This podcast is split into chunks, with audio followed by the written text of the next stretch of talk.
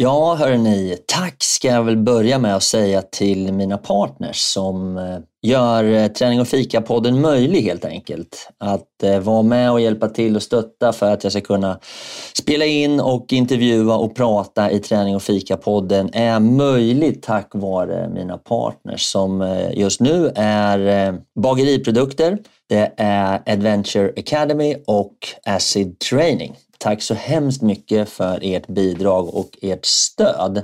Sen kan man ju då som privatperson också gå in och stötta produktionen genom att eh, ge ett litet bidrag på till exempel Patreon. Det uppskattas väldigt mycket.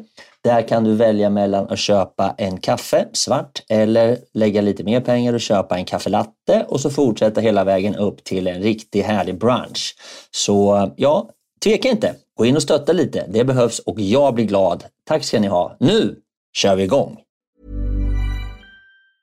Hey everyone, it's Jen and Jess from the beauty podcast Fat Mascara here to talk about Sol de Janeiro. So many of the beauty experts we interview on our show say that the key to great skin is to treat every inch of your body with the same attention you give your face. One of our favorite ways to do that is with Sol de Janeiro's Beija Flor Elastic Cream, a rich body cream that's clinically proven to boost collagen and has been shown to improve skin crepiness on the chest in just two weeks. Plus, it's scented with Sol de Janeiro's Charosta 68 fragrance. Sol de Janeiro is offering you 10% off your first order on soldejaneiro.com and free shipping with the code ACAST10. That's S O L D E J A N E I R O, soldejaneiro.com, and use the code ACAST10 for 10% off.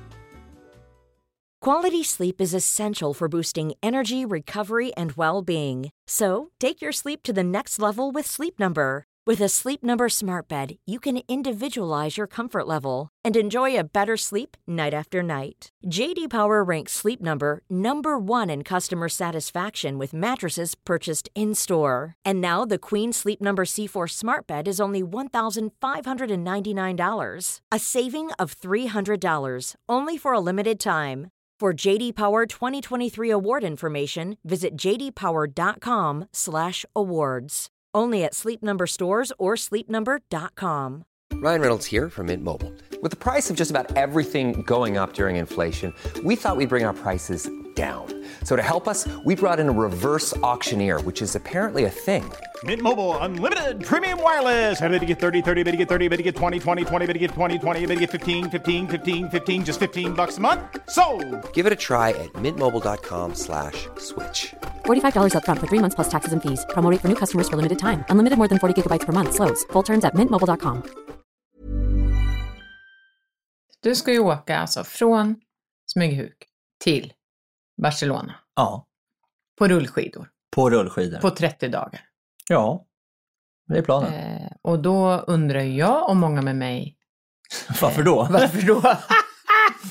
och då blir svaret som Rune brukar säga, Rune säger, den som frågar varför, den förstår aldrig svaret. Är det sant? Ja. Säger han så? Jag älskar Rune.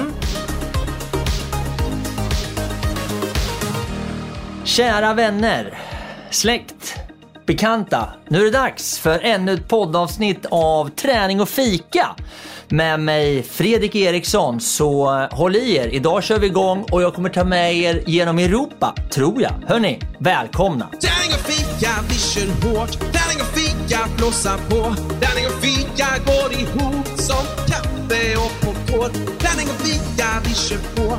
Träning och fika, blåsa på. Tärning och fika, nu kör vi! Nu kör vi!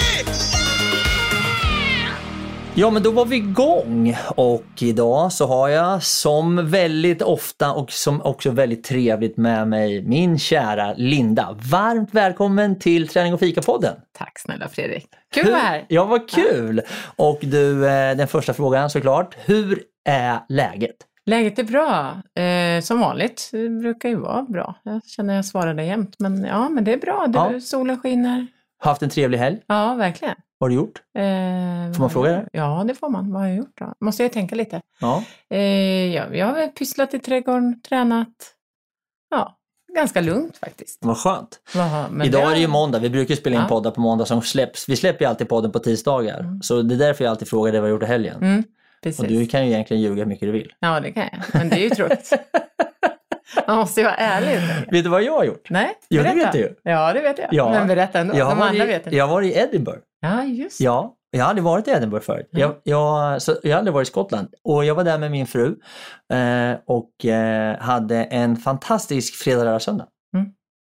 Jag kan verkligen rekommendera Edinburgh. Ja, det. Ja, det är lite grann som att vara i serien Games of Thrones. Mm.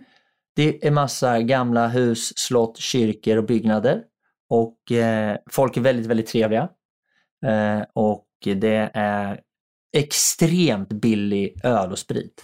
Det var därför du var där. Ja, men det är så konstigt. Ja, men man är ju ganska van vid liksom att om, du, om jag köper en, en öl och en drink och lite jordnötter och chips i Sverige, in i stan, på bästa stället. Mm. Men säg då att då kostar ölen mellan 90 och 110 kanske och ett glas vin kostar ju minst detsamma. Mm. Och sen så har du lite chips och jordnötter till så här. Ja, men jag skulle tro att en sån beställning kanske landar på 200, Mm. eh, 250 spänn kanske. Och vi, jag beställde exakt det. Eh, En stor, eh, en stor IPA och ett glas rosé till Elisabeth och sen en påse, en påse chips och lite jordnötter. Och i Dublin betalade jag 115 spänn. Då måste man ju åka dit nästan. Ja, men det var ju så, man vart så förvånad för allt annat är ju dyrt nu för tiden. Liksom. Men just det verkar de ha satsat på att det ska vara billigt. Så det var ganska roligt. Sen var vi på ginprovning Mm. och drack gin. Det var också väldigt trevligt och fick reda på, liksom, det är väldigt enkelt att göra gin tydligen. Mhm. Det är vilken sprit som helst jag på och sen så blandar man i såna här bär och så Enbär. Ja, och så låter man, inte, jag kommer inte ihåg det var enbär, men det kanske var enbär. Men eh, det är något speciellt som Ja. måste vara in. Och sen så provar vi en massa olika sorter och så vart det lite så här lunchrunda om fötterna. Det var ju skittrevligt. Och så var det sol och ja, det Ah, var alldeles utmärkt. Och, eh, nej så det, och sen är det ganska lagom stort också. Ja. Mm. Det är inte så, vi gick omkring där, eh, bodde på ett jättebra hotell och livet var toppen. Jag hittade en stakmaskin, kan du fatta det? Ja, men det såg jag på Instagram. Ja, alltså så stört. En helt sprillans ny stak. Jag kommer in på gymmet, på, på gymmet på hotellet. Mm. Och så går jag fram till bänken och så börjar jag greja och så kör jag lite bänk, lite armhävningar och lite olika övningar. Så tänkte jag, jag måste kolla vad som finns här för maskiner. Så går jag runt och så ser jag det står en ny skijärg. Hur glad blev du då? Ja, jag bara fan, jag höll, hade satt igång mitt träningspass, skulle ha styrkepass. Jag bara, jag måste göra om. Så jag körde fyra gånger fyra intervaller. Var liksom bara, du vet, det var så konstigt. Ja. I, där, det, kan inte, det går inte ens, det går inte att åka rullskidor. Det går inte att åka rullskidor i Edinburgh. Det är för dålig asfalt. Ja, det är så. Ja. Alltså det är så dåligt. Och jag har ju massa skotska kompisar som, som jag träffar och, och hänger med på Mallorca. Och de säger ju att, det, de är cyklister, men Mm. de säger liksom det är ganska tufft att cykla på, på, i, i, Skottland för det är så dålig asfalt överallt. Och jag gick och tittade på det. Mm. Då, då är jag liksom mitt i Edinburgh, det är den största turistattraktionen Edinburgh efter London på he, hela eh, brittiska övärlden. Och det går inte, du, kan inte, du skulle inte komma fem meter. Det är så dålig asfalt överallt i, i Edinburgh så det liknar ingenting. Mm. Det är hål och det är, alltså det är katastrof. Så där går det absolut inte att åka rullskidor. Det går knappt att cykla kan jag säga. Mm. Men det var skittrevligt, vi åt god mat och jag hade hyfsat bra väder, lite regn såklart. Men eh, I, I can strongly recommend it. Det tar bara två timmar att åka dit också, vilket är Mm. Ja, ganska skönt. det. Eh, så att, nej, men det, var, det var jättetrevligt. Och sen, hörru du, så måste jag fråga en annan sak. Mm. Vad tycker du om kaffet? Vi har nytt kaffe Vi har idag. nytt kaffe. Det var starkt, tycker Ja. jag, och gott. Vi fick, har fått en Ja. provpåse från de här Rekyl. Mm. De är lite coola. Det var gott kaffe. Ja, Ja, så tycker det jag. starkt och gott. Starkt och gott. Jag, Mm. Både du och jag gillar svart och gott kaffe. Det måste jag säga. Sen var det ju det här arabica, tror jag, som, Ja, eller hur? som du gillar. Ja, Mm. jag gillar det. det är, och sen idag så har vi då två fantastiska bullar. Ja, faktiskt. Ja, och de här bullarna kan jag säga, vet du vart de kommer ifrån? Nej.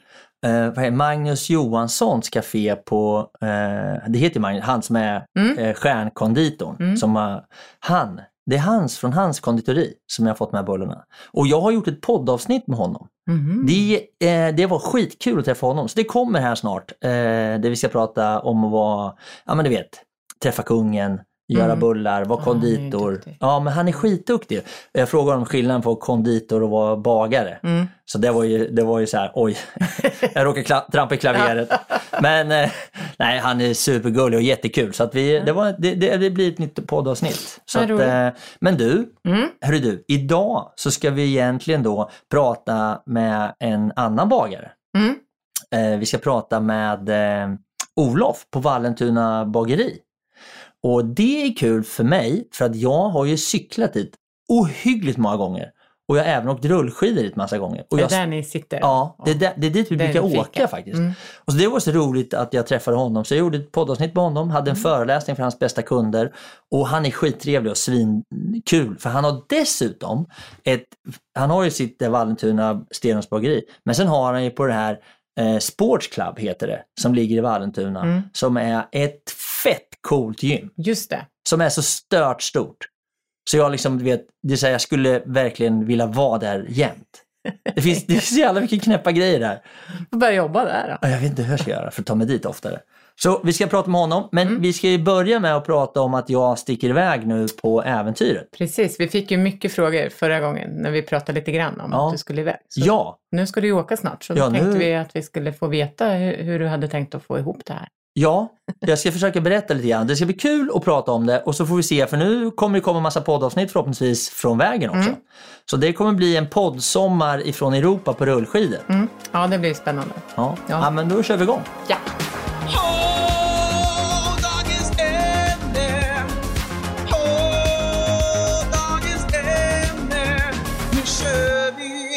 Ja, men då var det väl dags för lite rullskidssnack. Jag måste säga att jag börjar bli lite Ja, det- jag blir lite nervös nu. nu, nu det är märks liksom, nästan. Ja, det är, det ju ett stort äventyr. Så det är väl... eh, Innan, innan jag sätter igång och pratar om det, är det okej om jag tar en tugga? Ja, men jag känner att jag... Vi ska ju in i bullträsket hos Olof och det här är ju Magnus leverans. Och vi får, ska vi sätta en snabb bedömning av Ja, vad vi vi gör det. tycker? En snabb dag. Ja. Jag kommer säga, det här är en kardemummabulle, Mm. eller hur? Mm. Så det, det är ingen... Alltså jag älskar bullar. Ja, det är så sjukt det här. Den luktar gott också. Mm. Och sen den här kardemumma-grejen, när det är inte så mycket kanel, gör att den blir lite annorlunda. Faktiskt. Ja, den var väldigt god. Ja, vad jättegott.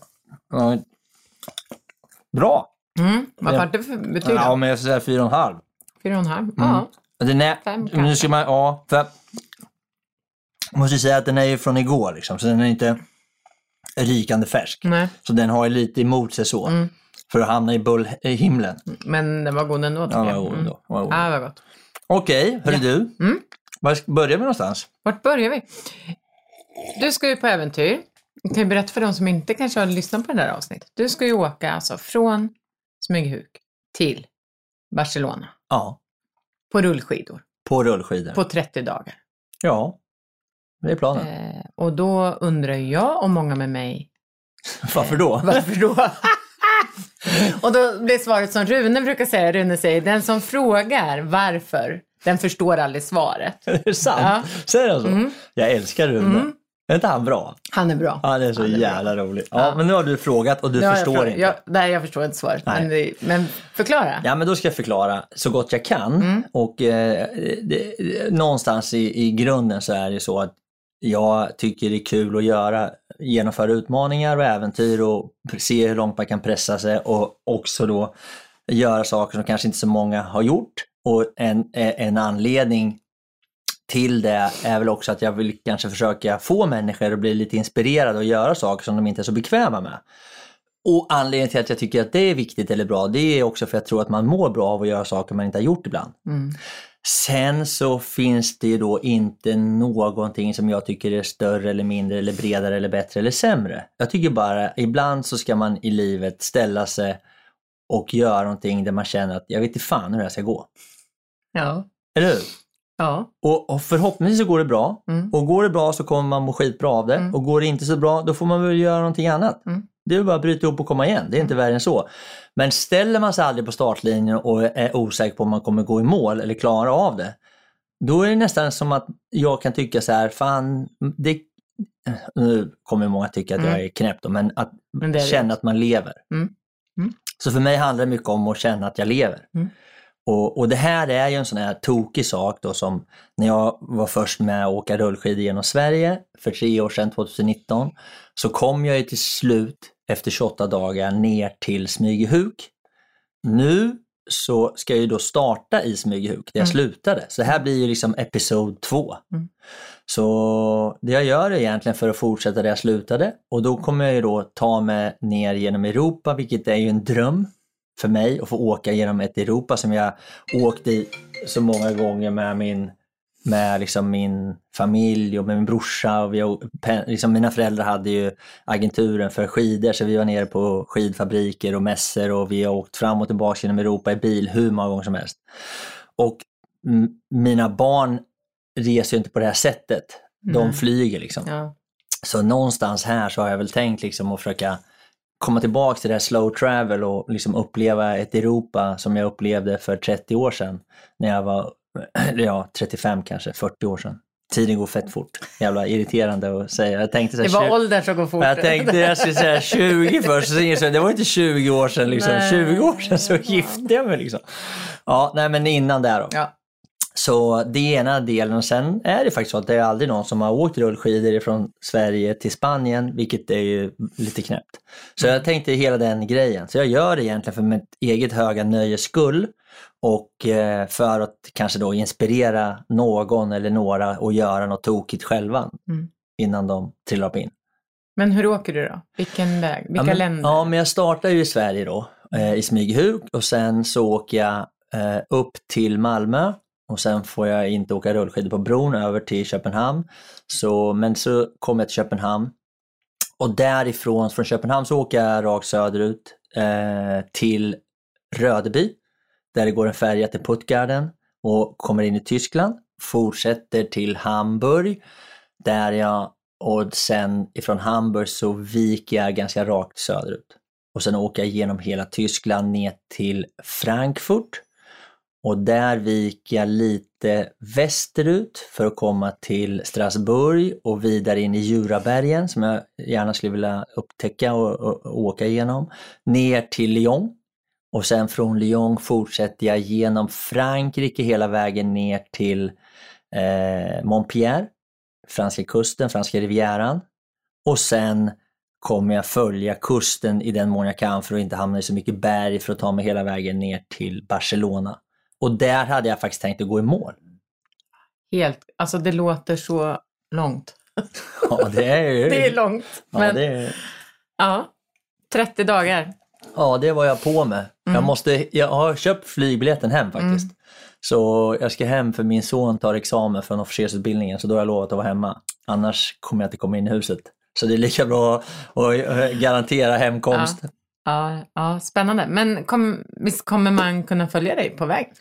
Ja, är på min, Instag, Mm. min Instagram eh, primärt då, eh, som heter Fredrik Eriksson. Eh, eh, ja. Och sen så kommer jag väl lägga ut en hel del på min eh, eh, ja, Facebook och på eh, Träning och fika Mm. och på, eh, också på längd.se, de här olika sajterna och även min längd, eh, längdskidåkning.info. och Så, här. så det kommer jag försöka dela med mig och sprida. Och sen, så, sen så spelar vi in en film också under vägen. Så jag har ju Gunnar, Ola och Johan som kommer komma varsin gång och hänga med en dag eller två för att filma. Mm. Och sen kommer jag filma rätt mycket själv också. Och sen så kommer du podda lite hoppas vi. Ja, men planen är ju att vi ska släppa en, att du och jag, eller jag då, jagar tag i dig någonstans och sen var tredje dag släppa en podd där jag liksom summerar vad, vad, vad har hänt. Liksom. Mm. Så det kommer bli lite kortare avsnitt med eh, hur det går för dig och, i ditt äventyr. Ja. Mm. Så, och då kan man väl säga så här, det vore ju kul om folk skickar in frågor. Ja, precis. Så och, vi, Ja, när vi väl är igång, för det kommer bli kanske tio avsnitt då. Mm. Eh, så eh, det, det bjuder vi upp till dans. ja, verkligen. Eh, Ställ och, vi, tokiga frågor och undra om allt möjligt. ja, och på träning och fika kommer man kunna följa dig också. Ja, Mm. absolut. Ja, det blir spännande. Jättekul att titta på. Men det, jag är lite avundsjuk på det där lite stissiga som du har nu. Ja, det är ganska mycket stissigt. ja, det, det, Det är, men det är ganska härligt. Jag Ja, blir lite avis faktiskt. Ja. Jag håller på att få ordning på alla grejer och du vet, allt Mm. sånt där som ska funka. Ja, så det är ju sanningen höll jag på att säga. Mm. Men jag tänker på det här, det är många som har frågat om vad du har för material. För, för, I förra avsnittet så pratade du lite om att du skulle ha ryggsäck på dig Ja. bland annat. Och då fick jag faktiskt en fråga på Instagram vad du använder för ryggsäck som du skulle orka ha sådär i, så många dagar. Och, Ja, precis. Ja, och ryggsäcken, den är ganska viktig. Det är ju där jag har egentligen hela mitt liv. Jag har eh, alla, jag har reservhjul, jag har verktyg, jag har kläder, regnkläder, vanliga kläder, jag har eh, ja, drickan, min dricka, två drickaflaskor sitter på ryggsäcken. Så jag har faktiskt då förmånen att få jobba med Fjällräven. Och Fjällräven har ju då en ryggsäck som heter Bergtagen och eh, som är 38 liters ryggsäck. Halvstor. Så att eh, det Ja, nej det känns väl som att den, det är den jag ska ha. Den är också orange vilket är, vilket är bra. Mm. Så det syns. Ja, precis. Mm. Och på den så sätter jag också då en extra stav som har en liten flagga. Mm.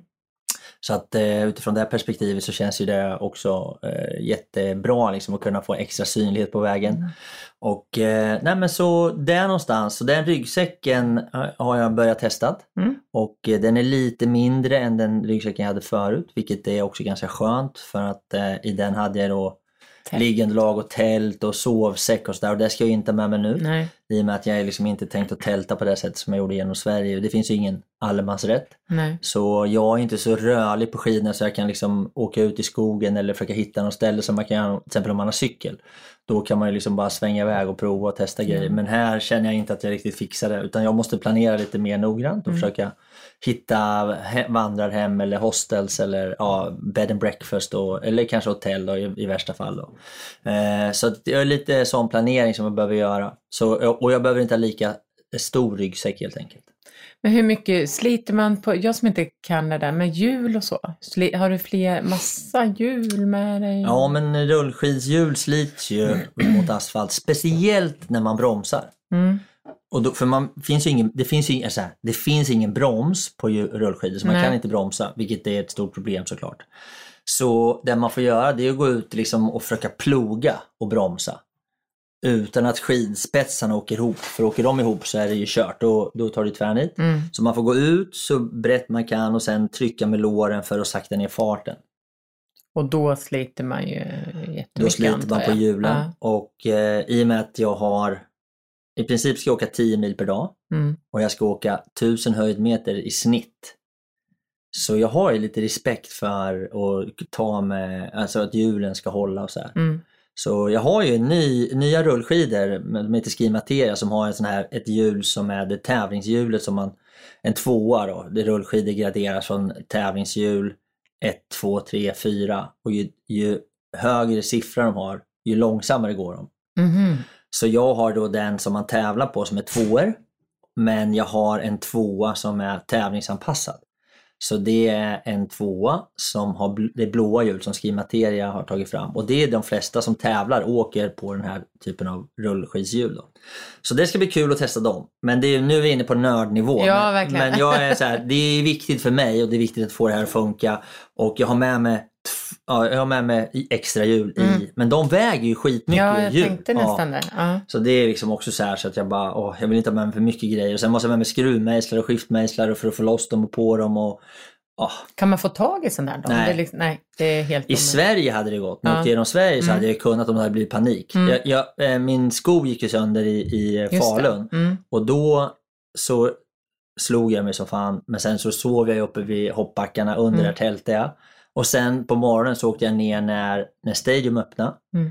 Och det var ju då eh, på sommaren. Så jag sa, har ni några pjäxor? De bara, skidpjäxor? Jajamän. Så då lyckades de få tag i ett par. Mm. Så jag, jag köpte ett par Madshus-pjäxor i butiken där i Falun. Och slängde mina gamla och körde vidare genom Sverige i dem. Mm. Så det var en jäkla Men händer det i Europa, Ja. då eh, kan jag inte tänka mig att de kan gå ner på lagret och hämta ett par rullskidspjäxor. Nej, Eller nej. pjäxor liksom. Så ja, nej det är... ja, spännande. Vad väger sådana där då? Det blir halva... Ja men de vet, jag vet inte men de är tunga. Ja. Alltså det är verkligen Mm. så här, eh, ja det gör skillnad. Mm. Så ju mindre saker jag har på ryggen, ju viktigare, ju bättre är det för mig. Mm. Så jag försöker verkligen vara sparsmakad vad jag stoppar i ryggsäcken eh, faktiskt. Så att jag försöker ja, hålla igen liksom. Men, ska du, men mat och så äter du ute allting? Eller Ja. det, ja. Mm. Eh, jag, jag kommer I Sverige så, genom Sverige så hade jag så special, hade jag köpt från USA två sådana här som jag stoppar pizza i. ja. Och det var ju skitbra. Men pizza tror jag inte riktigt på samma sätt jag ska ha nu. Utan eh, i Sverige är det också ganska obefolkat. Mm. Så min plan är, i och med att jag ska bo på hotell, så tänker jag köra en sån här tysk. Alltså jag, jag tar med mig en liten pappers, eller så här, och så snor jag lite, en extra Du lägger ner macka. maten Ja. i, i servetten? Ja. Ja. Och så ja. ha med mig till lite lunch och kanske, beroende på vart jag landar då. Men Mm. jag vet ju när jag åkte genom Sverige att jag, alltså åka ett Vasalopp om dagen som jag gör, man sliter ju rätt hårt på Mm. liksom, kroppen och så här, så man behöver ju äta mycket. Mm. Så liksom, jag kan inte tänka mig att om jag tar med mig en dubbelmacka med lite ost och smör och sånt där i och kanske en frukt och stoppar det i ryggsäcken att jag, även om jag skulle hitta en lunch, så, så kommer jag äta upp det också. Liksom. Mm. Så Ja. mat, det, det handlar om att få i sig mat liksom. Mm. och dryck. Mm. Och sen är det ju så här, det är ju väldigt, de två stora sakerna för mig är ju vädret och vägen. Mm. Alltså kvaliteten på vägarna. Det är de två stora frågorna. ja, det ska bli så himla kul att följa. Ja, spännande. Helt galet. När vi pratade i förra podden så pratade vi om att du hade berättat för mig hur många situps man gjorde varje gång man eh, staka. Och så hade du någon, någon och så funderade du på det där. Och så berättade du nu här förut att du hade räknat ut det där. Ja, Hur många situps det blir på då de här 30 dagarna. Ja, precis. Jag, jag, jag, har varit lite in, jag kom på att jag måste ju tänka till här. Så då satt jag med och räknade på det där. Ja. Och, då, och dessutom har jag googlat och se vad an, hur andra resonerar. Och då finns det ett mått på eh, hur många staktag man tar om man åkte Nordensjöloppet som är 20 mil. Mm. Och de räknade med där att man tar 40 000 staktag. Alltså ett staktag är en situps. Mm. Så 40 000 situps för att åka Nordensjöloppet. Mm. Och det är 20 mil. Mm. Jag åkte ju, jag åkte ju då eh, 10 mil per dag i snitt. Och det gör ju då någonstans att jag då hamnar på 20 000 stavtag. Eh, si- 20 000 situps Sit-up. per dag Ja, i 28 dagar. ja. 20 000 situps Per dag. per i, dag. I, I 28 dagar. Då. Det är helt obegripligt. Det blir mycket faktiskt. Eh, eh, måste jag säga. Så 28 dagar gånger 20 Nu 000. räknar Fredrik här. Nu vill han ha Det, totalen. det är 560 000 situps. 560 000 situps. Ja. Jag har nog aldrig ens, liksom, jag är inte i närheten av gjort sådär hela mitt liv. Det blir, Jag är snart 50. det blir helt galet. Ja, det är helt galet. Alltså det var jag framför mig. Ja, 50... 560 000 situps. Mm. Ja, men då, jag önskar dig stort lycka till med det. Mina. Och med hela äventyret såklart. Ja, tack Ja. Linda. Vi Ja. får väl säga så här, jag kommer tillbaks. Ja, vi Så, hörs av. ja, tack så mycket för idag. Tack själv.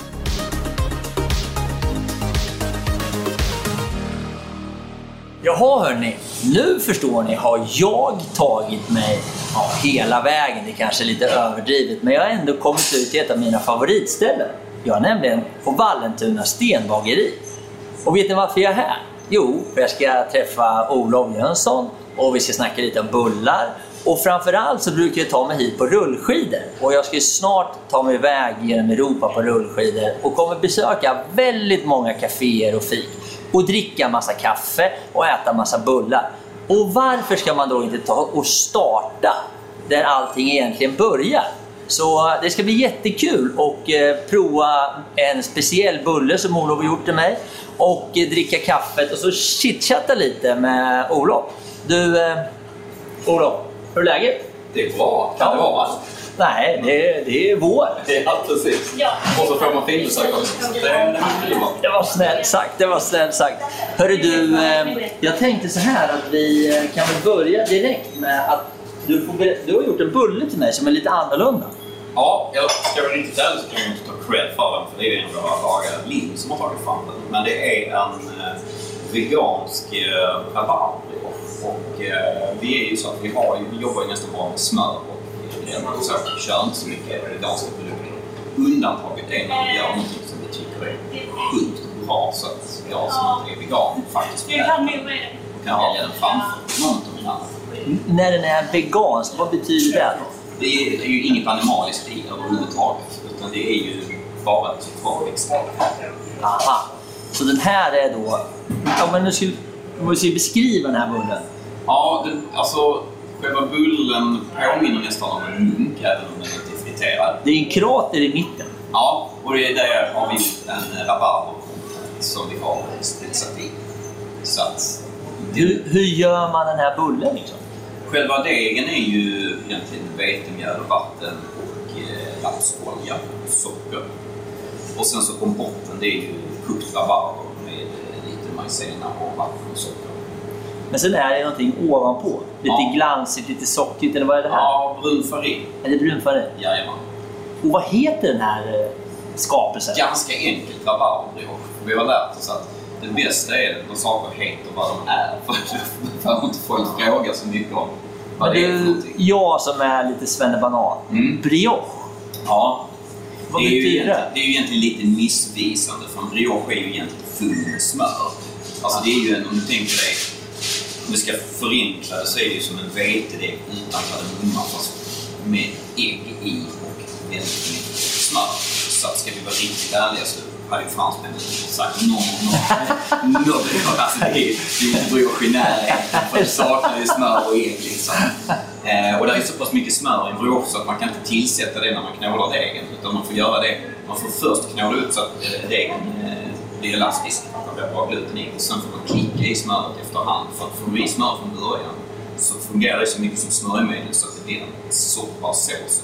Nej. Så gör de på riktigt. Här går vi in med oljan i efterhand.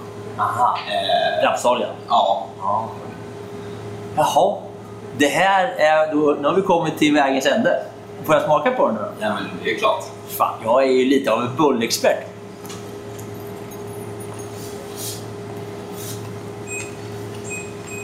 Det är ganska, det är ganska elastiskt och spänstigt bröd. Alltså, det är ju Ja. ingen sån här fluff-fluff. Nej.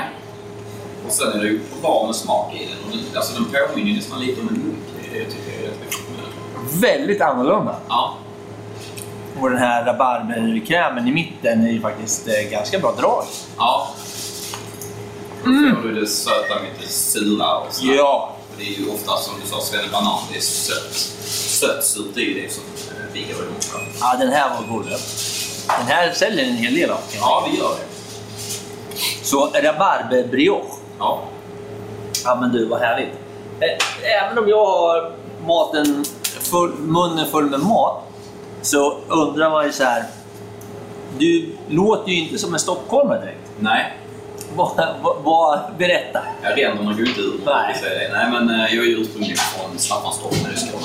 Jaha. Eh, och tog mig upp till Stockholm då 98. För att på den tiden så var det väl lite grann så att om man inte ville jobba med pulvermixer så fanns det bara ett par ställen i Sverige.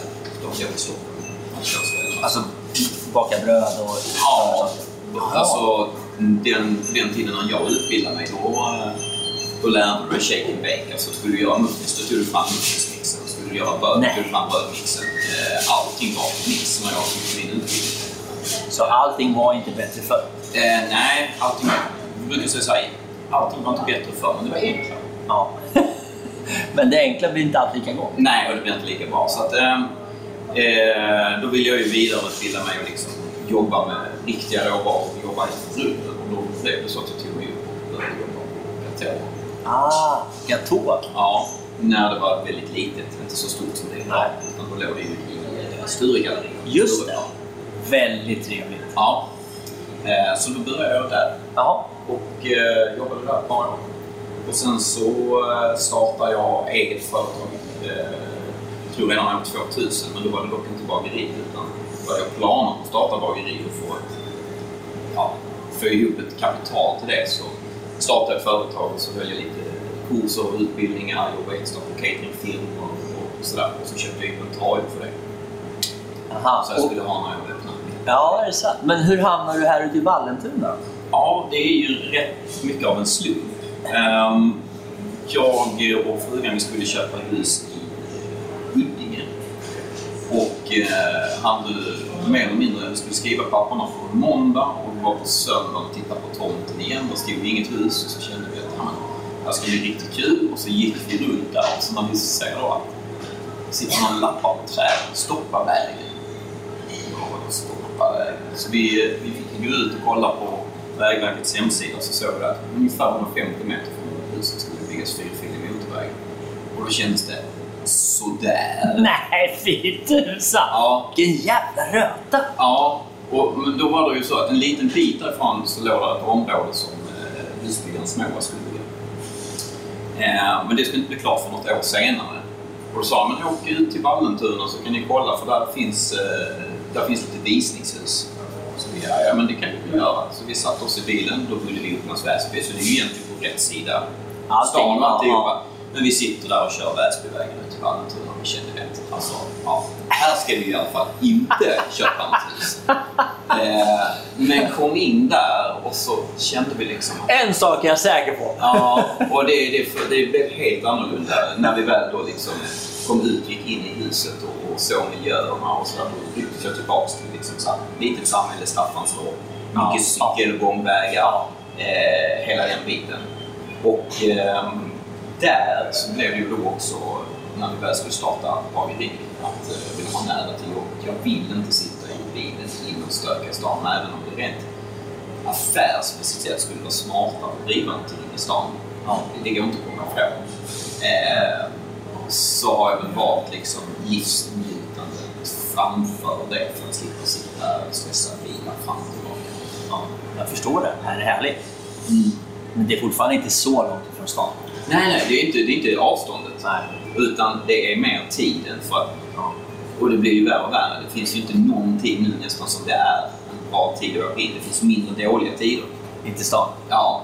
Eh, Men Vallentuna växer väldigt. ja, ja, ja, det gör det. Det växer så det knakar. Alltså. Det- Och det gör ju ni också. Ni har öppnat till ställe. Ja, vi har öppnat. Det är ju rätt lustigt egentligen att bara är 500 meter härifrån. Andra sidan järnvägen på hjulet. Men det är kul. Det är jättekul.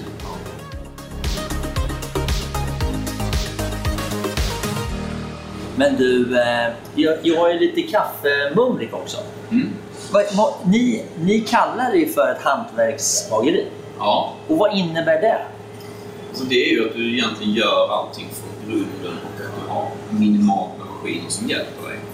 Ehm, framförallt, du har ju såklart en degblandare som knådar degen för att annars så hade man inte blivit särskilt gammal i yrket och du det jättefort. Eh, de andra maskinerna vi har till vår hjälp det är en kavlingsmaskin som hjälper till att kavla degarna. Eh, och sen så har vi det som vi kallar för en rullrivare och det är egentligen så att du kan ta ett degstycke och stoppa in och så skär du, får, drar du ett handtag och så får du så att den delar i 30 bitar. Just det. Eh, För det är där ni li, lindar runt bullen. nej, det är ju till exempel om du gör semlor Ja. så är det så att då, då ska rundriv den hjälper till att göra bullarna liksom runda. Så du tar ett äggstycke, stoppar in, knivarna går ner och delar i 30 bitar.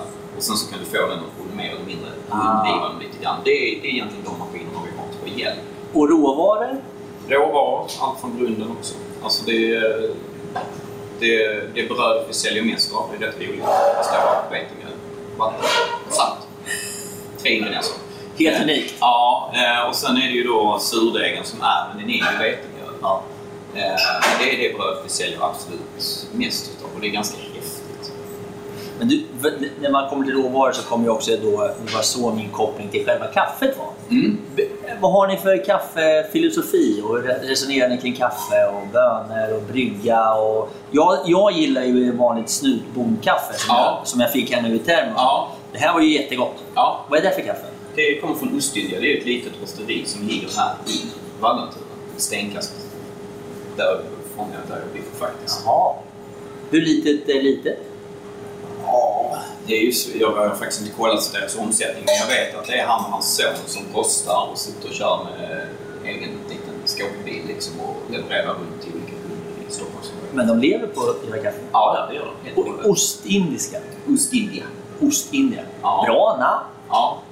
Men det är nästan ännu mer te över. Ja, ja men precis. Men, eh, nej, så det är Gott de, kaffe. Ja, det är de som kör åt, eh, som du säger, snutkaffe.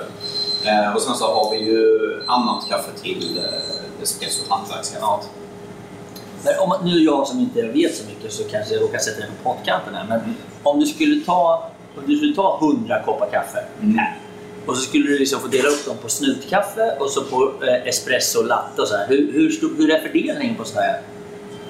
Jag skulle väl säga att det är 55-60 någonstans på snutkaffet.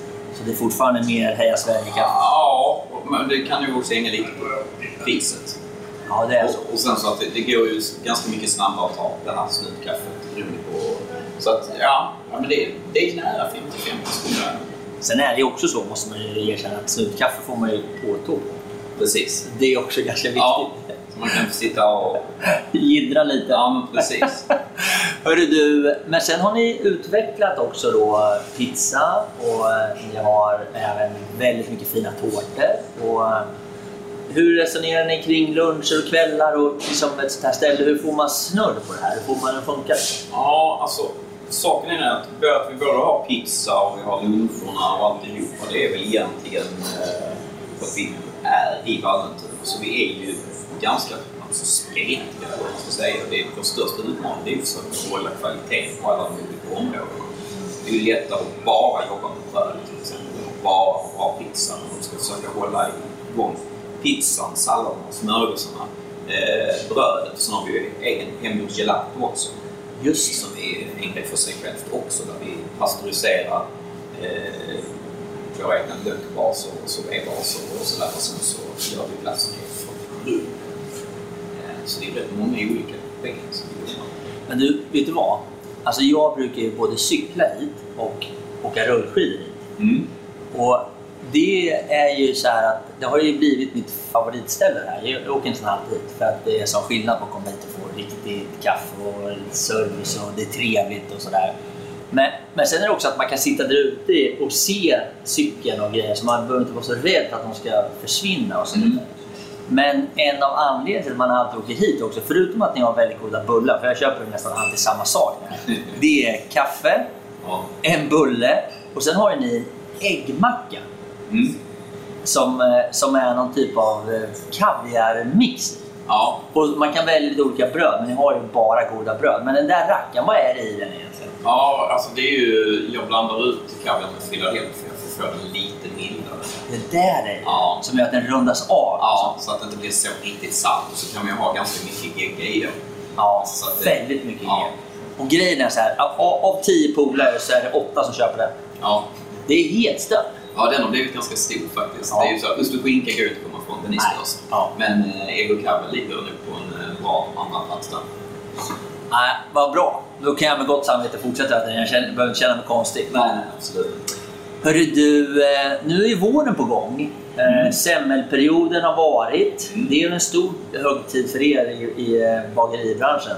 Den är, ja, den är Gigantisk. gigantisk och framförallt så man har alltid sagt att ja, men, eh, 80 procent av bagerierna överlever på grund av att man har semlor. Nej, Jo, sant? det, och, och innan så höll jag inte med, men sen alla de här världsliga grejerna som har varit så ja, den, är, den är viktig alltså. Men Jag läste någonstans på ert Instagram att ni gör typ 4000 eh, 4000 semlor. Ja, på fettisdagen. Ja. Ja, En dag. Ja, eh, det blev faktiskt närmare fem detta år. Vi hade förberett för 3600. Eh, vi blev så överkörda så att det... Ja, ja, absolut. Eh, så det var en... Det var en fantastisk dag, men det var eh, hemskt samtidigt. Ja. Eh, för att vi... Alltså vi jobbade hela tiden med stolpe in. Vi, stod och spritsade och ryckte butiken på plåten. Och bara, nej men nu ska sälja. Så bara, ja okej vi fortsätter. Och vi hade ju stått och lovat alla att ni behöver inte förbeställa, för vi står här och bakar fram till stängning. Så att ni behöver inte vara oroliga, kom till och finnas. Och det var en bekant Nej men alltså eftersom man tittar på föregående siffror. Och förra, förra årets säsong fick 3500. Ja. Då tänkte vi 3600 700 där någonstans för att det har varit lite lägre försäljning i år generellt. Ja. Så kände vi att då, då har vi så att vi... Men det tog aldrig slut. Så, nu ska vi komma en. Man står och tittar på klockan. Sen börjar man analysera. Okej, okay, vi tittar på timstatistiken från förra året. Här, vi har sålt dubbelt så mycket de här timmarna som vi gjorde förra året. När avtar för att man vill ju inte stå här och så lovat åt folk att det ska finnas. De blir ju förbannade. Alltså på riktigt. Det är ju världsproblem att Ja, inte det är finns. konstigt, men det är viktigt. Ja, ja, absolut. Men man kan, jag, när jag tittade på Instagram så såg jag också då era... Ni har ju några riktigt fina bilder på semlor. De, de ser ju extremt goda ut, men ni har fått lite priser och så. här. Ni har gått bra med semmelbaken. Ja, Ja, det gör väl sitt till. ja, ja absolut. Men du, eh, om man då skulle fråga dig så här. Det har vi inte förberett, så jag återigen kanske sätter på pottkanten. Men om du liksom skulle säga tre saker som är viktiga när man ska baka en bulle. En, en, en, eh, en, vanlig, alltså en vanlig bulle. Ja. Med kanel och kardemumma och så. Ja. Har du något tips liksom, som man kan ta med sig hem? Nummer ett, snåla inte på fyllningen. Och Alltså- fyllningen är... Ja, det är ju beroende på vad du fyller den med. Liksom. Men om det är smörfyllning eller smör och mandelmassa eller smör, kanel och mandelmassa, socker. Alltså det som du bullar in i bullen när du gör en kanel. Håll inte igen. Nej, håll inte igen. Utan, Det är det som sätter smaken. Ja. Ehm, sen eh, handlar det ju egentligen ganska mycket om, framförallt är du hemma så ska du nog jäsa bullarna mer än du tror. För det är Alltså längre? Ja, det är det absolut vanligaste felet folk gör hemma. Man tror, oh, nu har de blivit lite större. Och så, så stoppar man in det. Ska, man ska ge det mer tid. Ja, Men inte mer jäst, utan mer tid. nej, mer tid. Det är bättre så här istället. Mindre jäst. Ju längre tid desto mer smak. Aha. Så ju längre tid degen får ligga, även om det är jättekul att man vill ha bullen bakad så man Och man är sugen på bulle. Eh, Men ju längre tid det är, alltså skulle du ta så pass lite jäst så det tar 10 timmar för bullen att jäsa, då är den också Då blir det bra. alltså mycket godare. Och nummer tre skulle jag nog säga då, det är eh, höj temperaturen på din På ugnen. Ja, de flesta vapenbullarna är alldeles för låg temperatur. Men om jag har en vanlig ugn, vad ska jag sätta den på? du? Jag tycker det ska vara runt om 250 grader i alla Åh fall. jävlar! Och har den inne kortare? Ja, Ja. Längre jäsning, kortare tid i ugnen och mer kräm. ja en fyllning. Ja. Ja, Och sen, sen är det ju hundra andra små detaljer. Men Jo, jo. de tre, Det var ju riktigt bra. ja. Ja, hörru du Olof. Tack så mycket. Tack för bullen. Tack för kaffet. Tack för pratstunden. Tack själv. Och, och ha en riktigt trevlig vår. Ja, men detsamma. Lycka till med allt du tar dig för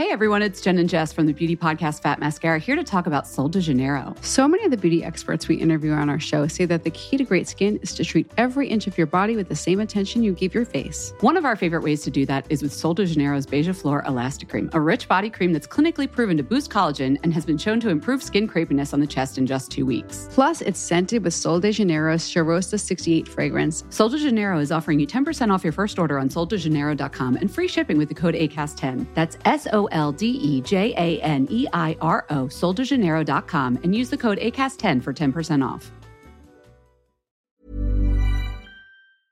Det var allt för den här gången hörni och jag tänkte avsluta lite kort med att återigen tacka mina fantastiska partners och sponsorer som är Bageriprodukter, Acid Training och Adventure Academy. Och eh, återigen, har du en krona över eller är helt enkelt sugen på att bjuda på en kaffekopp så gå in på min Patreon och eh, köp en kaffe, en kaffelatte eller en hel brunch så eh, kan jag fortsätta spela in podden, producera nya härliga avsnitt och eh, fortsätta att underhålla dig.